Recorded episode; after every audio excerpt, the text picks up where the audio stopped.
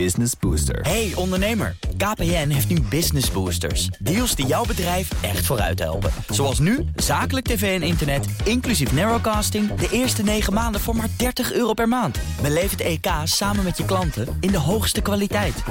Kijk op kpn.com slash businessbooster. Business Booster. DNR Nieuwsradio. BNR Zaken doen. Thomas van Zeil. Deze week staat al een tijdje rood omcirkeld in de agenda van uh, onder andere Economisch Nederland. Donderdag vergadert de ECB, de Europese Centrale Bank, in Frankfurt. En de verwachting is dat de rente verder verlaagd wordt en dat er mogelijk ook een nieuw opkoopprogramma komt. Dat bespreken we met het economenpanel bestaande uit Sandra Flippen, hoofd Nederland bij het Economisch Bureau van ABN AMRO, universitair docent aan de Erasmus uh, Universiteit in Rotterdam. En Edin Mujadjis, hoofdeconoom OHV Vermogensbeheer. En Menno Middeldorp is hier uiteraard ook hoofdeconoom bij de Rabobank. Mijn zakenpartner is Adine Cenk Willink, oprichter van Nimbles. Welkom allen.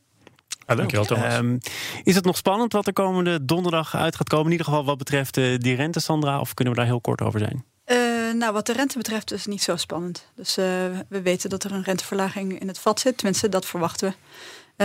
Um, nou, dat, weten we het nou? Verwachten we? Of kun je het eigenlijk met zekerheid wel stellen? We verwachten het. Laat ik het veilig zeggen.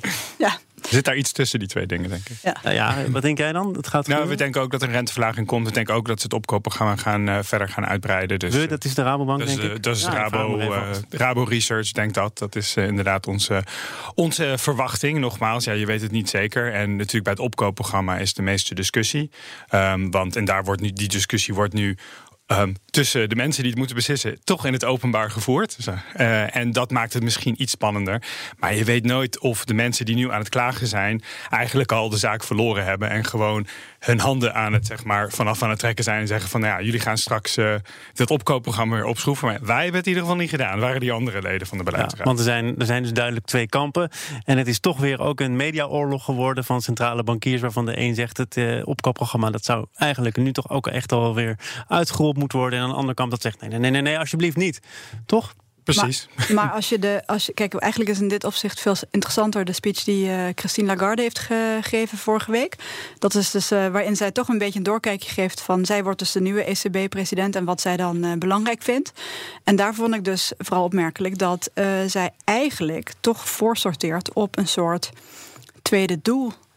Naast de prijsstabiliteit. En dat is namelijk die, uh, de duurzaamheid ja. uh, mee in, in het oogschouw houden als je, een, als je obligaties opkoopt.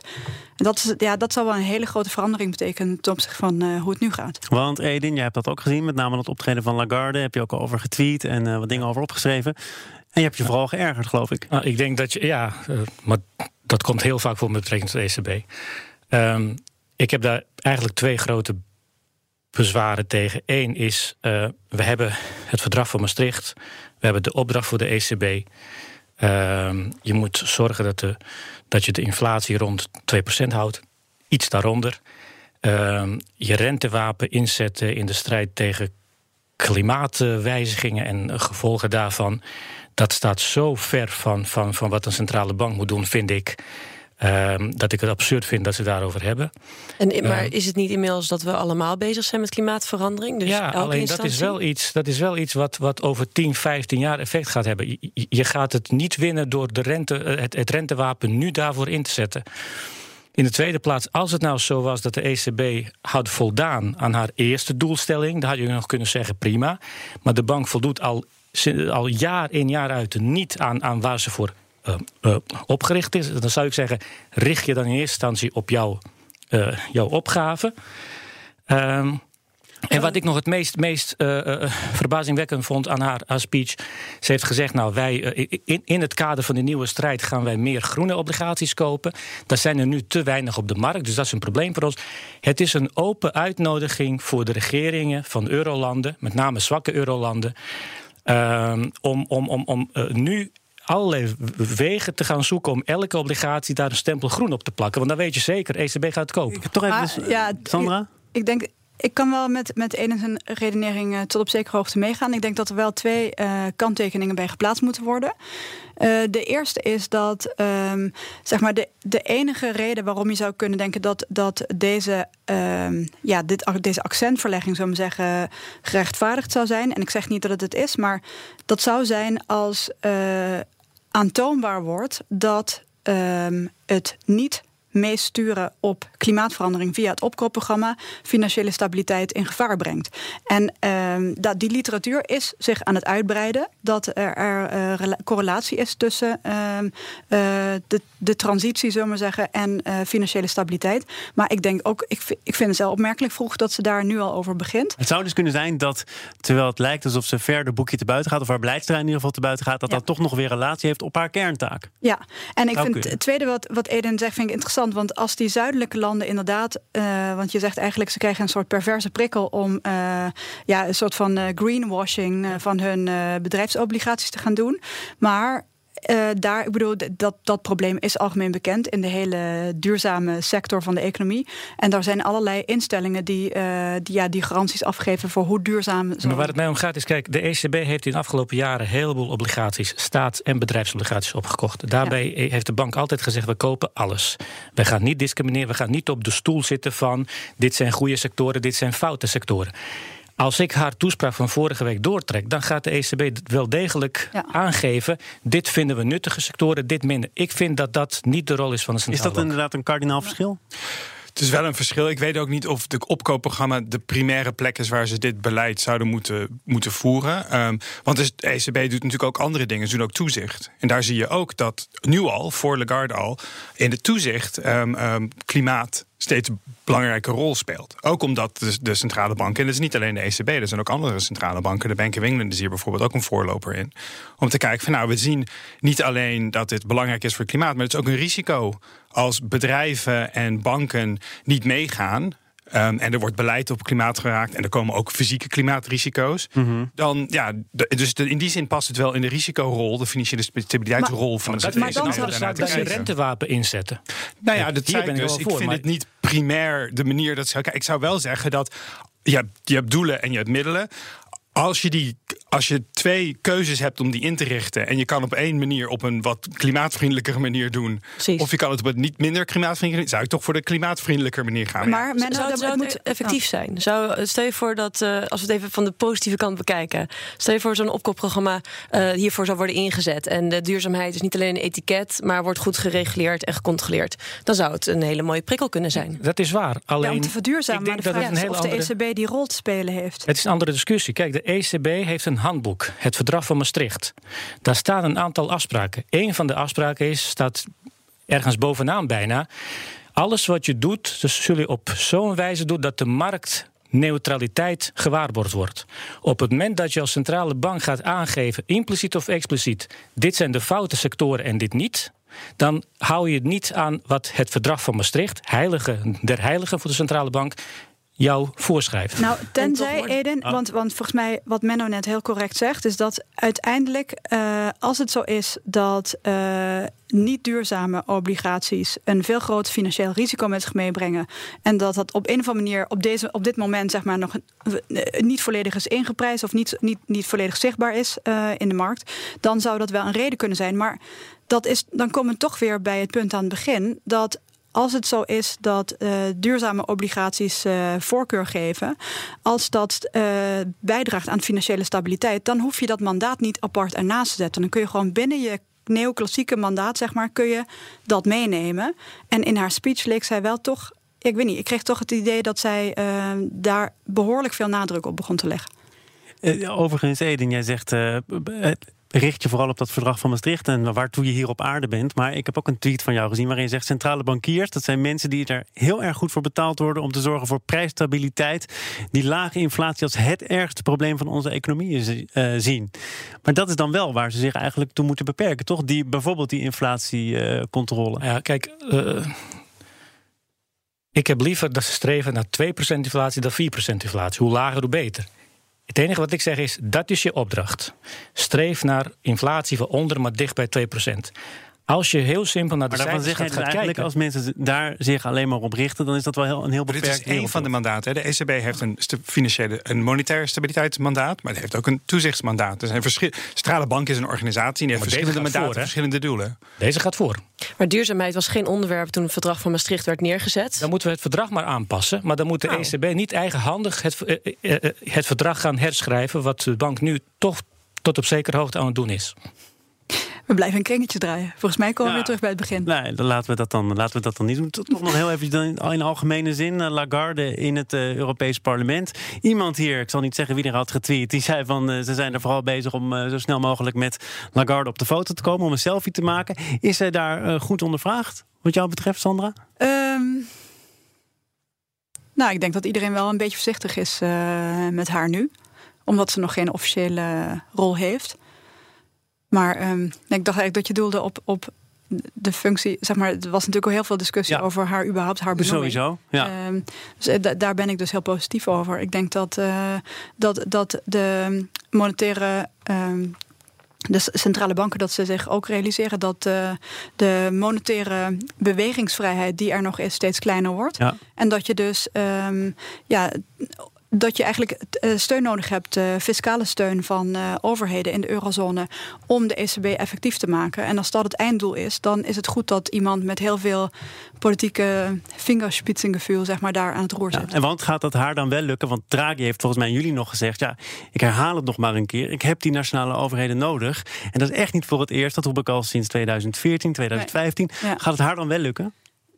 Ja, dat is nog heel nou ja, zij heeft meer vingerspitsengevoel. Ja, nou kijk, in ieder geval, zij is heel anders dan uh, Mario Draghi. Mario Draghi is gewoon een hele goede econoom, een super duper economist, mhm. zoals uh, Christine Lagarde zegt. Maar um, ja, zij heeft een ander profiel en uh, zij heeft andere waarden. En ik, ik denk dat in deze huidige tijd zij ja, goed op haar plek zit. Menno, is dat ik, zo? Ik, ik ben ook een voorstander. En ik had het op, niet precies op deze manier bekeken, maar ik vind het een leuke aanvulling. Nog meer reden om voorstander te zijn.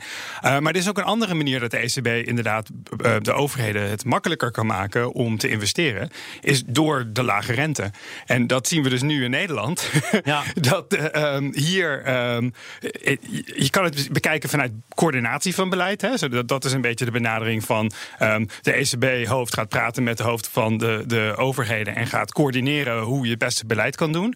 Of je kan zeggen, nou, we, we creëren een hele lage renteomgeving. We prikkelen in feite, net zoals we alle andere agenten in de economie prikkelen om daarmee iets te doen, prikkelen we nu ook de overheden om dat te doen. En diegenen die daar begrotingsruimte voor hebben, zoals Nederland en Duitsland, die kunnen dat ook nu gaan doen.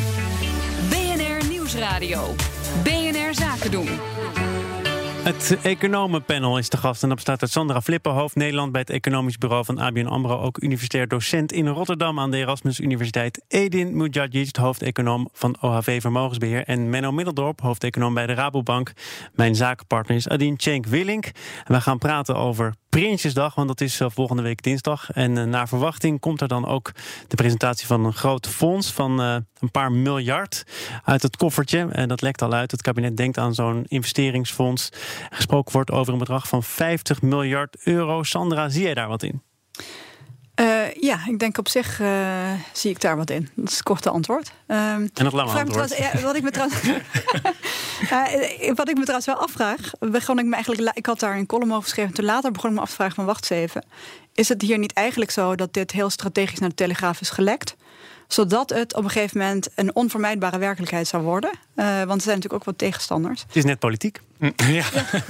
ja een trial, een trial balloon, dat is ook natuurlijk een uh, bekende politieke truc. Je lekt het uit en kijken wat mensen ervan vinden. Precies, ja.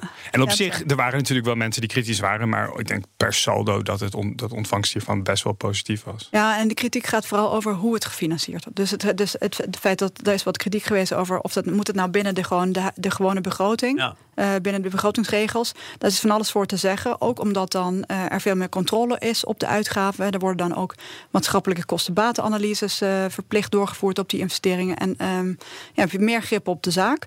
Uh, en daarbij, de ruimte is er op de begroting. Dus dat zijn allemaal argumenten. Maar het, het feit dat. Uh, er, dat we in een goede tijd leven nu, zowel qua uh, conjunctuur als ook dat er een aantal grote vraagstukken zijn waarmee we het groeipad op een hoger niveau zouden kunnen proberen tillen. Dat, die zijn eigenlijk allebei nu aanwezig. Edin, ben jij ook enthousiast over dit voornemen? Moet nog maar blijken of het echt zo meteen wordt gepresenteerd komende dinsdag, maar toch? Het gaat mij er even niet om of je dat via de jaarlijkse begrotingen doet of met de investeringsfonds. Uh, als je het maar doet. Uh, wij willen allemaal in de toekomst hogere economische groei, duurzame economische groei als het even kan. Yes. Um, wij economen weten heel goed dat, dat dat groei, zeker duurzame, komt uit het aantal mensen aan het werk en hoe productief of hoe productiever die mensen worden per jaar. Um, aantal mensen aan het werk, daar hoef je niet heel veel van te, te, verwachten, want de vergrijzing. Dus we zijn meer dan ooit afhankelijk van hoe beter we met z'n allen worden in dingen die we doen. Oh, daar ben ik daar niet heb je investeringen voor nodig. Ik denk dat, Ehm, sorry. We hebben als land uh, in, in de jaren 60 een mooie kans gehad. Toen we erachter kwamen dat er heel veel gas onder Nederland ligt. Hebben we niet gebruikt. We hebben nu de tweede kans gekregen met de negatieve rentes. Ik hoop dat onze regering daar gebruik van gaat maken. Sandra, jij mag. Ja, sorry Edin, ik wil die niet Nee, onderbreken. geeft niet. Maar ik dacht, nou, ik, ik schoot even in toen jij zei... ehm, er valt niet veel meer te behalen in termen van arbeidsparticipatie. Het moet aan eh, productiviteit per gewerkt uur komen. Ehm, maar volgens mij is die productiviteit per gewerkt uur... dat is juist heel erg lastig. En ehm, we hebben ook gezien dat in de...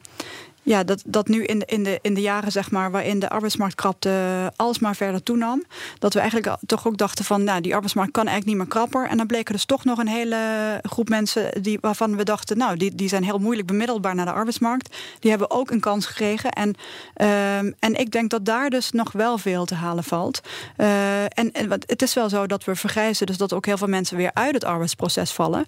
Maar je moet het vergelijken met de counterfactual. Want die vergrijzing die kun je natuurlijk niet stoppen. Nou ja, eh, tenzij je heel radicaal gaat denken. Maar, ehm, maar eh, wa- wat je wel kunt doen is, eh, zeg maar, gegeven die situatie met meer vergrijzing, hoe kun je de arbeidsparticipatie zo hoog mogelijk houden? En ik denk dat daar, daar is echt nog wel heel veel te doen. Ik denk dat we het niet al te ingewikkeld moeten maken.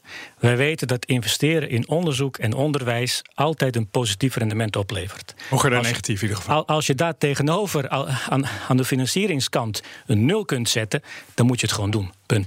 Eh, er was eh, vorige week hier op BNR een uitgesproken tegenstander van zo'n fonds te gast. Dat is Nout Welling, oud-president van de Nederlandse Bank. Die zei, ja, zo'n investeringsfonds... dat heeft in Nederland eigenlijk nog nooit gewerkt, een fonds. We kennen alleen maar mislukkingen. Eh, en je krijgt zometeen dan vijf beleidsterreinen... waar je dat geld in stopt. En daar moet je dan waarschijnlijk wat halstarrig mee omgaan. Hij zegt, nou, het maakt wel uit hoe je het financiert. Als je er ruimte voor hebt op de begroting, 1 of 2 procent... Investeer het op die manier en doe het niet via zo'n investeringsfonds. Menno, begrijp jij dat? Nou, ik, ik weet nog steeds niet helemaal wat die fonds dan zou moeten zijn. Dus da- daar, daar, misschien wordt het gewoon een investeringsagenda. Of een, een, een lijst dingen die, waar wij meer willen in gaan investeren... en dat van tevoren met elkaar afspreken. Ehm, Zo'n fonds is überhaupt een beetje een raar idee... dat je nu al gaat lenen om het dan... Dan, dan heb je dan een bak geld. En wat ga je dan met dat bak geld doen totdat je die investering hebt gevonden? Ga je die beleggen onder nog negatieve rentes? Dat is natuurlijk ook geen winstmodel. Dus ehm, ik denk dat er, er zit een beetje een semantieke discussie. En we weten nog niet precies wat ze gaan zeggen. En op Prinsjesdag hopelijk weten we wat, wat de governance is om dit, dit investeringsbeleid. Ik vind investeren zeker een goed idee. Ik ben eens met, met eh, de anderen die hier aanwezig zijn. Ehm, en, ehm, en het is ook zeker goed om dat op een goede manier te regelen. Zodat het daadwerkelijk gebeurt. En er niet in de verkeerde dingen Ja, maar wordt dit, dit, vindt, geïnvesteerd. dit vindt echt iedereen. Volgens Ja, nee, mij, maar- toch? Om het op de goede manier Ja, te maar regelen. waar we bang voor zijn, volgens tenminste, dat is denk ik waarom Nout Welling eh, zo tegen is. Maar waar, waar we bang voor zijn, is dat we dat, dat ehm, volgens mij hebben we dat een keer in het verleden gezien, dat een politicus zo'n fonds had opgericht en vervolgens werden er allerlei werd het aan, aan, aan eh, werd het gewoon herverdeeld. Er werden allerlei eh, Alles wordt een investering. alles wordt ineens een investering. Ik geloof dat er, werd- er werd eh, ehm, eh, de sociale zekerheid werd enorm eh, opgehoogd. Dat was volgens mij Tom de Graaf, als ik me niet vergis. nou, je hebt natuurlijk ook. dus de- dat, dat de- is toen heel, het is toen heel erg kwalijk gevallen. We weten en in het- ieder geval en, en we weten Hoe ook het niet moet. Ja. ja, en nou ja, kijk, het, ge- het gevaar nu is natuurlijk ook weer dat dit toch uiteindelijk bij de werkgeversorganisaties terechtkomt die zeggen van nou wij weten wel hoe we dat geld goed gaan besteden en dan wordt het toch wel een verkapte lastenverlichting voor het bedrijfsleven. Ik zou het wel mooi vinden als dit richting onderwijs gaat. Dat zeker, staat zeker hoog op de lijst van dingen die, die heel nuttig zou zijn en een, en een investering zou zijn voor de, voor de toekomst. Maar onderwijs, weet je, dus eh, natuurlijk, eh, het rendement op onderwijs eh, is, is hoog.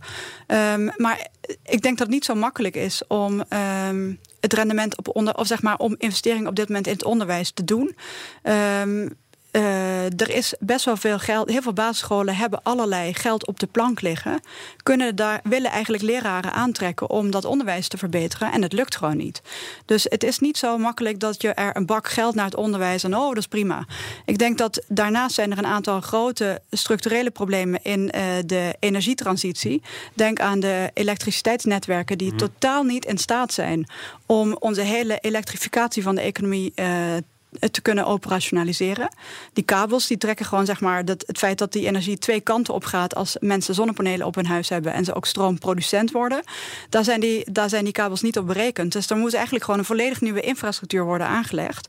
En eh, dat zijn dingen die zie je niet zo goed, maar dat zijn ook hele rendabele investeringen. Edin, tot slot, moet er ook nog geld naar de middenklasse? En dan kom ik nog even op uh, de HJ schoollezing van minister Hoekstra.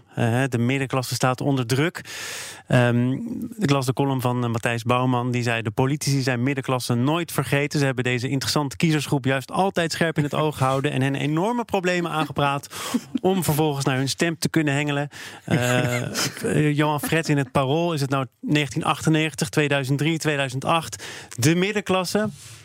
Moet denk, die uh, economisch uh, worden geholpen? Ik denk dat, dat de rekening voor allerlei plannen die onze opeenvolgende regeringen in loop der tijd hebben gedaan, voor een groot deel neergestreken is bij de middenklasse. En uit het verleden weten we, een sterke middenklasse is de garantie voor politieke, maatschappelijke en economische stabiliteit in een land.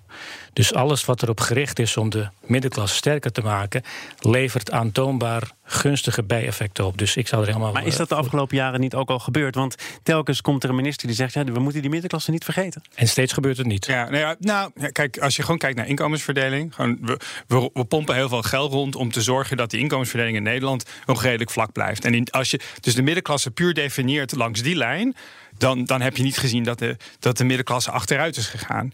Maar als je het, als je het even kijkt vanuit zeg maar, de verdienvermogen en vanuit um, de. Um, de situatie op de huizenmarkt, vanuit de, de flexibiliteit die, die gevraagd wordt voor mensen in de arbeidsmarkt. Al die dingen creëren toch een gevoel van onzekerheid en, en een groot gedeelte daarvan komt gewoon bij, terecht bij, bij de middenklasse. Ja, bij middenklasse. Een gevoel van onzekerheid is dat al genoeg om beleid te maken? Er is onzekerheid. Als jij, je, je, hebt natuurlijk, het is veel moeilijker om een vast contract te krijgen. Um, de, de, de, het aantal mensen met vaste contracten stijgt weer een beetje. Ja, na vele jaren waar natuurlijk de trend de andere kant op ging. En, en, nog steeds, als je gewoon kijkt per leeftijdscategorie, is er gewoon meer, me, meer jonge mensen die beginnen aan hun loopbaan zitten nu in een flexcontract dan vroeger.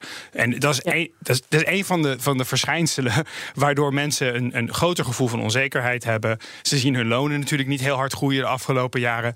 Dat, ik weet niet of dat, dat, dat je dat moet bestempelen als een middenklasse probleem per se. Maar er zijn de, de, wel degelijk economische issues die mensen die ook in de middenklasse zitten voelen en waar iets aan gedaan Sandra, tot slot. Ja, volgens mij is die ik ben, flexibilisering van de arbeidsmarkt een enorm probleem. Uh, en we zijn daar ook koploper in de gepolariseerde situatie wereldwijd. Maar uh, dat is volgens mij geen middenklasse probleem. Het huishoudinkomen van de middenklasse uh, groeit op dit moment harder dan dat de economie groeit.